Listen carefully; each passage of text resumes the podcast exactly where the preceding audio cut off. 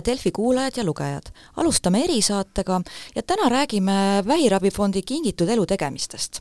mina olen toimetaja Karoliina Vasli ja külas on mul täna tegevjuht Katrin Kuusemäe, tervist! tervist! ja onkoloog dok-, doktor Kadri Putnik, tervist! tervist! Ja alustuseks äh, tegevjuhi käest küsiski, et kuidas fondil praegu läheb, et ma nägin meedias pealkirju, et tänavu viiesaja tuhande euroga miinuses, et millest see tuleneb, et kas annetajaid on ära langenud või tõesti kahjuks haigestunud on palju ja ka ravimite hinnad on kerkinud? jaa, kõik need äh, põhjused äh, ütlesite te kenasti ära, et, et ühelt poolt oleme me jooksvas miinuses mis tähendab siis seda, et et me peame täna kasutama neid reserve, mida me siis äh, headel aastatel kogunud oleme,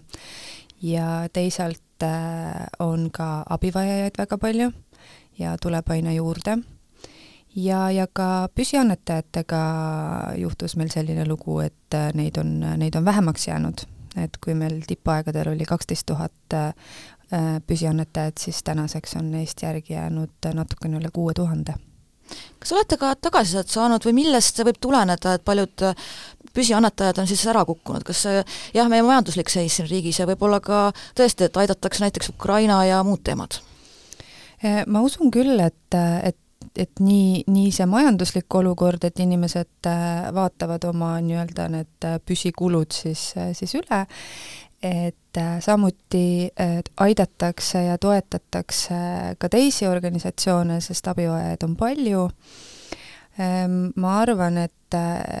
et üks, üks asi on ka see tegelikult, et äh, Mm, äh, võib-olla see, see mõned mm, püsiannetajad, kes on, kes on ära langenud, äh, siis, siis tegelikult äh, mõned püsiannetajad jälle suurendavad oma püsiannetust, et et kui me nagu vaatame seda numbrilist poolt, siis see tundub natukene nagu õudsem kui see, kui ta, kui ta nagu summa summarum on. et aga, aga jah, umbes, umbes kolmkümmend protsenti on ikkagi meie, meie annetused äh, vähemaks jäänud. ja, ja tegelikult ähm, äh, kuna on inflatsioon, siis me saame sama raha eest ju, ju täna osta vähem ravimeid, kui me, kui me saime seda varem. aga siiski praegu ükski haigestunu ukse taha nii-öelda ei ole jäänud ja abita? Ei, õnneks äh, on meil need reservid, äh, tänu millele me saame jätkuvalt äh, abivajajaid aidata ja me loodame, et me ei pea ka tulevikus kedagi ukse taha jätma doktor Kadri Putnik, et teie puutute igapäevaselt just nende raskete haigestunuga kokku, et rääkige natuke oma tööst, et mis vähi, vähivormidega ja mis, mis, mis ajal jõuavad patsiendid teieni ja kuidas te neid aitate? no onkoloog tegeleb sellise väga paljuski noh, kõikide kasvajaliste haigetega ja meil on oma, oma regionaalhaiglas ka selles suhtes nagu sellist paikmepõhist spetsialiseerumust. et noh, mina tegelen äh, põhiliselt just äh, melanoomiga, tegelen rinnakasvajatega ja, ja, ja kilpnäärmevähkidega, sarkoomidega ja et ütleme, kui see, no kui see minipaikmed kokku tuleb, siis neid tuleb päris palju erinevaid aga, aga põhiline minu nii-öelda selline spetsialiteet on ikkagi süsteemravi, mis vanas võtmes on, on mõistes, on, on keemiaravi, aga tänapäeval ei ole puhas keemiaravi ainukene ravi, millega me kasvaja vastu võitleme ja, ja selle tõttu me nimetame ka teda nii-öelda süsteemraviks. Need on siis ravimid, mida kas saavad inimesed veeni kaudu, saavad, saavad suu kaudu tablettidena ja nad on põhiliselt mitte ainult siis nii-öelda elulõpu ravimid, et, et kui, kui fondi aastad algasid, siis nagu kippuski jääma see, see õhku rippuma see mõte, et, et see on viimase õlekõrre koht, et, et kui enam mitte midagi muud teha ei ole ja et justkui me nagu, nagu pikendame seda, seda inimese eluiga sealt viimasest poolest, et siis, siis sellele ma vastu va,, vaidleks juba vastu pikemat aega, et et, et fond on tulnud äh, juurde just sellise innovatsiooniga äh, noh, nendes, nendes kohtades, kus võib-olla Haigekassa ei ole oma menetlustega järgi jõudnud. Et äh, fondi vanus saab juba üheksa-aastaseks, et see on, see on väga pikk iga ja, ja kui ma võtan selle üheksa aastaga, kui palju on tegelikult nagu äh, onkoloogias muutunud sellist äh,, sellist ra ravi poole pealt, siis need ravimid, mida me võib-olla üheksa aastat tagasi ka fondi kaudu äh, saime, saime patsientidele kasutada üsnagi paljud nendest, tegelikult on, on läinud üle juba edasi ka Haigekassa rahastusse. et äh, et fond on nagu aidanud mind kui onkoloogi viia see noh, selline kaasaegne ravi ka inimesteni ja, ja me ei pea ootama võib-olla nii kaua, kui, kui võib-olla varasemalt oleks tulnud oodata. Sest et äh, paraku onkoloogia on aegkriitiline eriala, meil ei ole aega oodata, et vaatame, et kahe aasta pärast siis seda inimest, kes seda ravi sel hetkel vajab, ei pruugi enam olla tihtilugu just ka kõrvalseisjad ja meil on ka lugejad tagasisidet tulnud, kes ka kirjutavad, miks siis ikkagi Haigekassa ei aita kõiki abivajada, et kuidas see otsustusprotsess nagu välja näeb ja miks väga paljud võimalikud elupäästvad ravimid ei lähe siis sinna rahastuse alla? No see on selles suhtes, et Haigekassa rahastust tuleb vaadatagi äh, üleüldiselt nagu, nagu ikkagi sellist, äh, sellist suuremat, laiemat pilti, et üks asi on see, et äh, et Eesti Haigekassa, mina küll kui mitte Haigekassa inimene räägin seda täiesti omast, omast nii-öelda nagu vaatest, aga te, tegelikult meil on solidaarne kindlustus. see tähendab seda, et, et me ei tee selliseid, mitte meie, vaid Haigekassa ei tee selliseid nagu üksikisiku tasandil otsuseid see võib-olla mõneti alati jääb äh, natukene jalgu äh, inimese, inimese vaatest selles suhtes, et äh, eriti harva esinevate kasvajate puhul või üldse harva esinevate haiguste puhul, et me oleme siin ka meediast lugenud erinevate haruldaste geneetiliste haiguste puhul, kus tegelikult äh, justkui inimese süü ei ole see, et tal on selline harv haigus, mille, millel ei olegi äh, mingisugust nagu sellist standardset ja solidaarset rahastust olemas et, et see on nagu üks pool, miks, miks inimesed võib-olla ei ole rahul äh, ideaalselt sellega, aga jah, see otsustusprotsess võtab kaua aega ja loomulikult äh, see eelarve, millega Haigekassal tuleb nagu opereerida, ta, ta ei saa vaadata ainult kasvajahaigused, ta peab vaatama kõiki, ta peab vaatama südamehaigeid, ta ta on viimased kaks aastat väga hoolikalt vaadanud ka seda, et meie, et meie Covid kriisist läbi tuleme, et, et kõik see on, on tegelikult üks,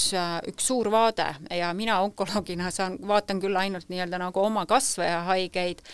aga, aga see bürokraatia on tegelikult ikkagi võrreldes äh, teatud äh, Euroopa riikidega minu hinnangul ikkagi pisut aeglane, aga ma saaks ka öelda seda, et Haigekassa tegelikult on sinnapoole teel, et, et need protsessid oleksid kiiremad, aga ka aasta on patsiendi jaoks võib-olla liiga kaua oodata kuidas te onkoloogina üldse seal ka tutvustate, et ütleme, et kui patsiendil tõesti võib-olla see riiklik ravi enam ei aitaks, et räägite kõikidest alternatiividest või kuidas te tutvustate seda, et mis on üldse võimalused? noh, tegelikult on see, et äh, inimesed on aastatega oluliselt targemaks ja teadlikumaks muutunud äh,, internet on kõikidele kättesaadav, see tähendab seda, et äh, kui inimene tahab, siis enne seda, kui ta arsti uksest sisse jõuab, ta tegelikult on teadlik kõikidest ravi, ravimitest ja, ja minu kui arsti kohus on tegelikult äh, rääkida ja tutvustada talle kõik äh, ravivõimalused, mis on ametliku registratsiooniga. Ehk siis, et see, et me, kui tal on nagu äh, ütleme, et on üks konkreetne diagnoos ja tal on näiteks äh, kolm erinevat äh, ravimit või, või ravimeetodit temal võimalusena, et siis, siis nendest kõikidest peab rääkima äh, Äh, olenemata sellest, et kas seal on meie Haigekassa rahastus või mitte, et temal on õigus teada, et me ei saa rääkida ainult sellest, mis, mis on ainult hai, nii-öelda Haigekassa tervishoiuteenuste loetelu nime, äh, nimistus ja, ja noh, seal, seal tekibki see probleem, see dilemma, mis, mis ütleme, üheksa aastat tagasi oli suurem. see, et kuidas ma talle siis räägin ühest või teisest ravimist, mida ma tean, et on olemas, ma tean, et nad on, on väga kallid, aga siis ma nagu lõpetan selle lause, ütlen, et aga, aga seda, seda ravimit või ravimeetodit me teil kasutada ei saa. et see tekitas nagu võib-olla sellist nagu noh, põhjendatud frustratsiooni inimestes aga, aga samas ütleme nüüd praegusel hetkel me ikkagi noh, nagu arutame seda ja, ja kõik äh, ma ei saaks öelda niimoodi, et Haigekassa poolt nagu ei tule midagi, et me tegelikult, kui ma võrdlen äh, erinevate Euroopa riikide ravi kättesaadavustega, siis on, siis on üsnagi heas seisus siiski ikkagi ka meie, meie kasvajavastane ravi, lihtsalt et, et osad, osad ravimid ei ole meieni jõudnud või siis, või siis on see, et on, et meil on olemas variant üks ja variant kaks, aga kui need ei toimi, et kus on variant kolm, me teame, et see on olemas, aga, aga, aga näiteks meil lihtsalt ei ole kättesaadav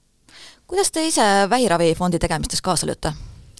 No mina olen sellega põhimõtteliselt selle algus, alguspäevadest, hetkedest sellega seotud olnud ja mul on seda hästi lihtne arvestada, sellepärast et mul oli siis laps oli paarikuune ta saab varsti kümneaastaseks, nii et, et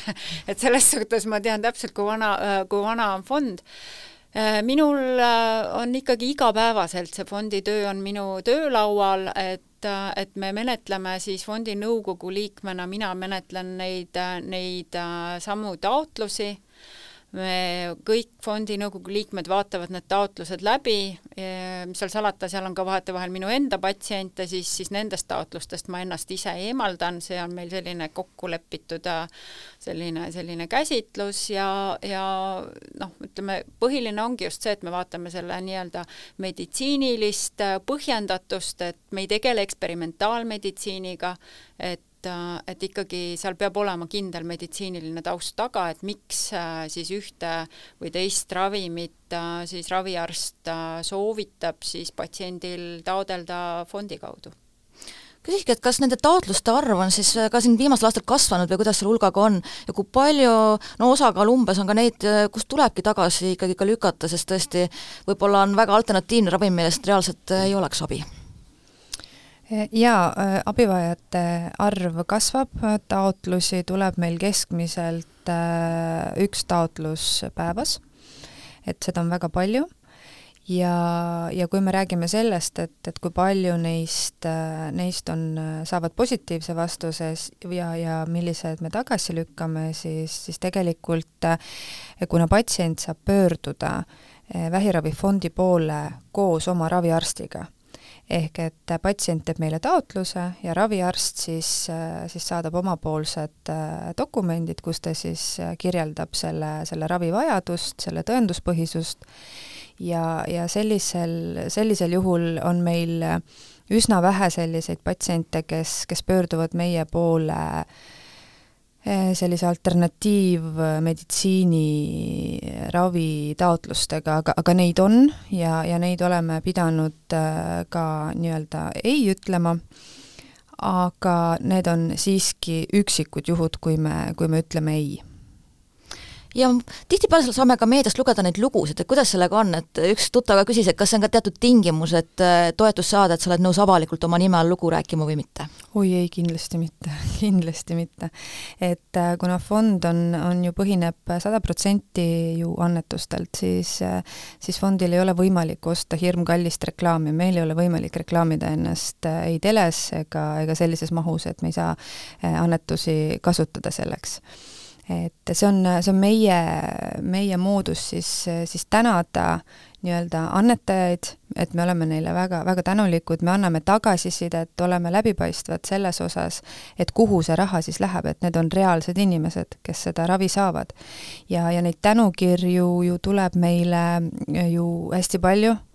kõik, kes, kes meilt abi saavad, reeglina ikkagi tänavad fondi ja siis me, siis me küsime patsiendilt, et kas ta on nõus, et me, et me jagame seda, seda lugu meie sotsiaalmeedias. Ja, ja ütleme niimoodi, et ehm, noh, ei taha igaüks seda jagada, aga, aga on ka, on ka selliseid patsiente, kes lubavad meil seda teha. Ja need ongi need lood, mida me jutustame. Ja, ja tänu sellele siis me saamegi anda tagasisidet nii-öelda, kuhu siis annetajate raha läheb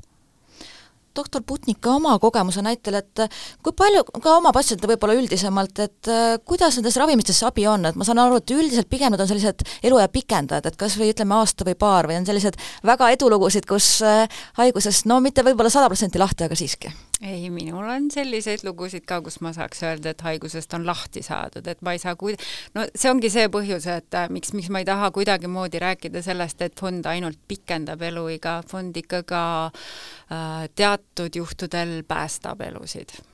aga noh, need on, need ongi, kasvajaline haigus on üldse see, see stigma, et et, et kasvajasse inimene peab surema, eks ole, et, tegelikult saab kasvajaga elada. et lihtsalt küsimus on selles, et kuivõrd, et see elu võiks olla siis ka kvaliteetne, et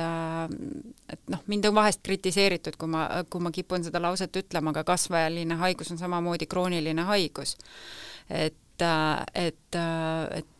see, see elu peaks olema kvaliteetne. ja fondiga nii-öelda sellised äh, elu pikendavad ravid on ikkagi seda kvaliteetse elu, elu äh, arvelt ju pikendanud, et aga jah, mul on ka täitsa neid inimesi, kes, kes enam fondi abi ei vaja tänu sellele, et neil lihtsalt ei ole haigust noh, mul ka endal ema ja vanaema on rääkinud, et ikka siin aastakümneid ja rohkem tagasi oli nii, et kui sulle öeldi, et vähk, siis oli juba selline mõte, et noh, nüüd on läinud ka. aga kuidas praegu patsiendid, et kui nad ka saavad selle väga raske diagnoosi, et üldiselt ollakse valmis võitlema või on ka neid, kes siiski tahaks kohe valge lipu heisata ja öelda, et mis seal ikka, et las, las siis läheb? Ei no eks, eks inimesi on erinevaid ja see šokiseisund tuleb lihtsalt läbi elada, et, et noh, mina näen küll neid patsiente, kes tulevad siis äh, niimoodi kabineti uksest sisse ja noh, alles sel esmaspäeval oli mul üks niisugune noh, sõna otseses mõttes värisev, värisev naine, kes ütles, et ta on ennast juba nii maha matnud, et ta nagu ei, mina ütlesin, et noh, et stopp, et nüüd me alles hakkame ravima, et et, et see, et, et sa oled saanud kasvajalise haiguse, et see, et sul, sind saadetakse põhimõtteliselt ikkagi nii-öelda keemiaraviarsti juurde, vanasti see tähendas küll seda, et, et järgmisi jõule ei näe, eks ole. aga, aga see asi, see aeg on möödas, et, et meil on tõesti, meil on, meil on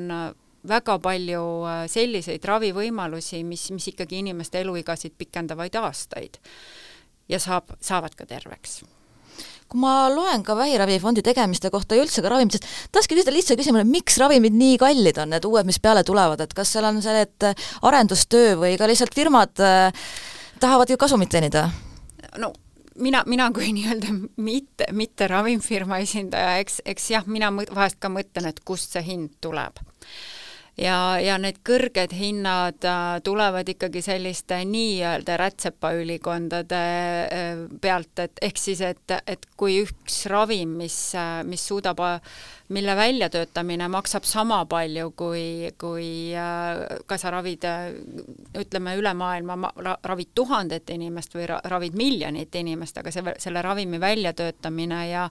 ja, ja, ja tootmisesse viimine on sama kallis ja üsnagi just need paljud need sellised biotehnoloogilised kõrg, äh, kõrgekvaliteedilised antikehad, need, need on lihtsalt, nende väljatöötamine on meeletult kallis, aga tõsi, seal on ka ikkagi Äh, suured, suured kompaniid taga, kes ikkagi ootavad ka sealt kasumit oma, oma aktsionäridele, et see, selle, selles me ei saa, ei saa kuidagimoodi eitada, et see ain-, ainult puhas heategevus on, kahjuks see nii on ka Vähiravifondi vaates, et kui ka mõtlete ette, et kaua te jõuate selle hinnaralliga nagu kaasas äh, joosta või et ka siin järgmise ja, ja sealt edasi aastate plaanis, et äh, loodate, et saate siin annetuste toel hakkama? meie saamegi seda täpselt nii kaua teha, kuni, kuni head annetajad arvavad, et meie tegevus on vajalik ja oluline. Et äh, sellepärast, et äh, meil ei ole kusagilt mujalt äh, raha kunagi tulemas ega tulnud, et, et kõik puhtalt, puhtalt annetajate, tänu annetajatele, et tõepoolest Eesti inimesed on suure südamega ja, ja annetavad väga heldelt ja, ja jah, vastus küsimusele on, et täpselt nii kaua, kuni, kuni rahvas äh, arvab, et, et me teeme õiget asja ja et inimesi tuleb selles äh, suures mures aidata ja meie vestluse lõpetuseks ma küsikski, et kui inimesed äh, ka kuulavad ja mõtlevad, et tahaks kaasa lüüa, kas vabatahtlikuna või ka annetuse näol, kust, kust infot selle kohta saab? Infot saab äh, Facebookist, meie, meie Vähiravifondi lehelt ja samuti kõik äh, annetamise võimalused on olemas meie kodulehekülje peal kingitudelu.ee, see info on seal nii eesti keeles, vene keeles kui ka inglise keeles. Ja kui keegi soovib äh, tulla vabatahtlikuks, siis saab alati võtta ühendust meiega emaili teel info et kingitudelu.ee ja suur aitäh teile mõlemale tulemast ja et äh, kel vähegi võimalust, et äh, paneme ka õla alla ja aitame inimesi, kes abi vajavad! aitäh! aitäh!